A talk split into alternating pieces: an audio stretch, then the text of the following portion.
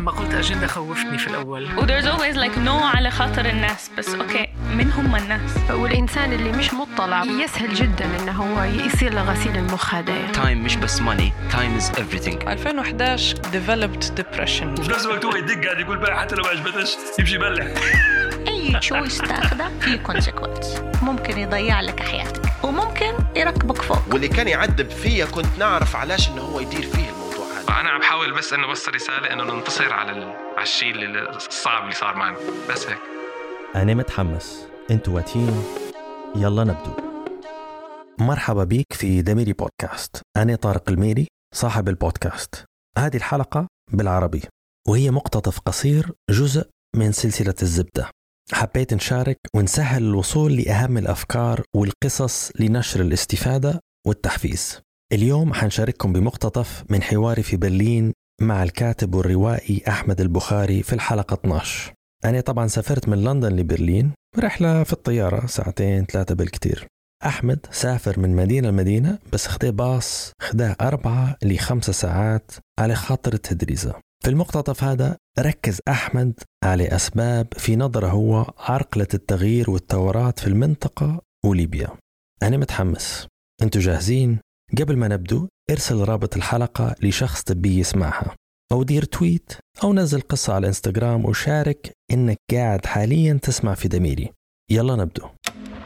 حضرت جزء من الثورة التونسية وجزء من الثورة المصرية وبعدين الثورة الليبية ف حضرتها في, مك... في مكانها في بلدانها آه، في في مصر حضرتها في في في بلادها وفي في تونس كنت أنا نتبع فيها من من قبل يعني من بداية مظاهراتها. وفي ليبيا حضرت جزء منها طبعا في ليبيا. يعني عشت التجربة يعني. شنو تمثل لك أنت يعني من شخص ك... كمراقب تتبع بالتفصيل؟ شن شنو القالب اللي تحط فيها توا بعد ما طلعت منها ومرت فترة وفي فترة وجود نضوج لأن أنت تقدر تحطها في قالب معين أو في مفهوم معين؟ شوف أنا مش عارف يعني وجهة نظري في في التوراة آه، هي توراة آه، تقدر تقول سياسية وحقوقية بس إحنا آه، اصطدمنا ب- بحقيقة. في ناس ممكن كانوا يعرفوها الحقيقة هذه لكن إحنا اكتشفناها خلال الثوره هي إن المشكلة أعمق مما كنا نتصور. أكبر من نظام أكبر من أكبر سلطة. من نظام أكبر من سلطة عليا أكبر من كذا. الم- المشكلة جذرية جدا. المشكلة م- يعني عمليه مشكلة متراكمة من من من مئات السنين. آه،. ف و والمشكلة متغلغلة في الجذور. يعني هي مش رأس نظام ونحيه وخلاص الأمور حتبدأ تمام. بل فيه فيه فيه فيه يعني مشاكل جذرية في قلب المجتمع. سواء اقتصادية أو أو ثقافية أو اجتماعية. واكتشفنا أيضا أن ربما ال- الرأس الحاكم أو النظام ليس أسوأ من من المجتمع العادي. آه.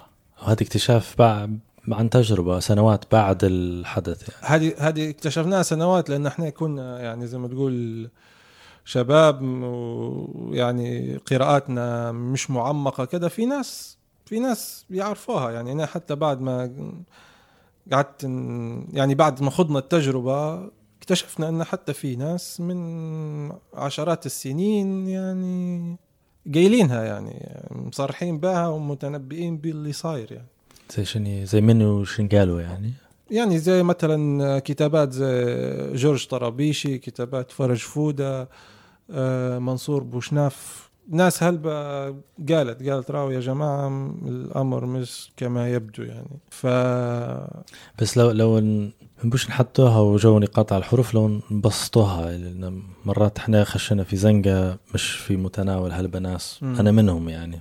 مش حاط إيدي عليها ال- المشكلة. المشكلة. ما المشكلة؟ ما المشكلة المشكلة الم- آه. المشاكل المشا هي مش مشكلة هي مشاكل.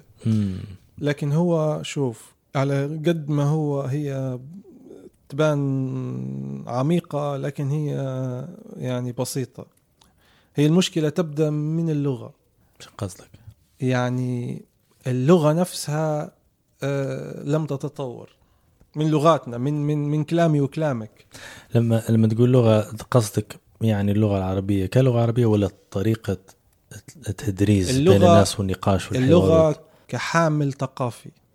هي هي اللغة في في في هلبة نظريات لكن في في نظريتين متعاكسات. في نظرية تقول إن اللغة هي تأثر على تصرفاتنا وثقافتنا وفي نظرية تقول إن ثقافتنا هي تأثر على اللغة. بمعنى على سبيل المثال كلمة زي التنمر. الكلمة زي التنمر هذه ما كانتش موجودة في ال في ال يعني في اللغة يعني تم اختراعها حديثا باهي علاش ما كانتش موجودة؟ هل لأن الفعل نفسه كان إحنا متعايشين معاه وشيء طبيعي؟ إذا فلذلك لأن الفعل إحنا متعايشين معاه فهي الكلمة لم ت... توا لما صار عندنا وعي بالفعل وخطورته ال- أصبح لي اسم المشكلة أصبح لي اسم وأصبح مشكلة فبدءا من اللغة بدءا من الثقافة بدءا من كل العوامل الثقافة بمعنى اللغة الدين الفكر التقاليد العادات هذه كلها في قالب اللغة. عندنا أيضا مشاكل اقتصادية آه، بمعنى النظام الاقتصادي تاريخ النظام الاقتصادي لينا. عندنا مشاكل آه، اجتماعية بمعنى النظام ال- القبلي وإن إحنا ما صار- ما صارش تطور للبنى الاجتماعية متاعنا. فهذه كلها عوامل جذرية لازم لازم لازم يتم حلها وتطويرها. لو ركز على اللغة يعني حاجة من الحاجات اللي جبتني لفكرك أنت وطرحك للمشاكل ولعباتك ال staging واختلاق ال characters لغتك كأنها تعتبر تدريس خاصة القصص ال- القصيرة ولا البوستات بتاع الفيسبوك اللي هي ما مثلا أنت حاجة في مخيلتك ما نعرفش هل هي في لحظتها في نفس اليوم ولا في الأسبوع نفسه. علاش الاختيار لل- للغة السهلة هذه؟ لعقم اللغة الثانية مكلكعة قديمة ولا أنت الحالة ال- اللي تبي آه، تطرحها في طبيعتها أنسب يعني إنها تكون بالعامية؟ والله ممكن في اللاوعي لكن أنا نحاول إن ما هي ممكن الفكرة هي اللي تتغلب على اللغة فهمت؟ في في القصص القصيرة أنت أنت يهمك أكثر شيء الفكرة توصل. بينما اللغة يعني تعتبر شيء مش مش لاعب رئيسي في النص.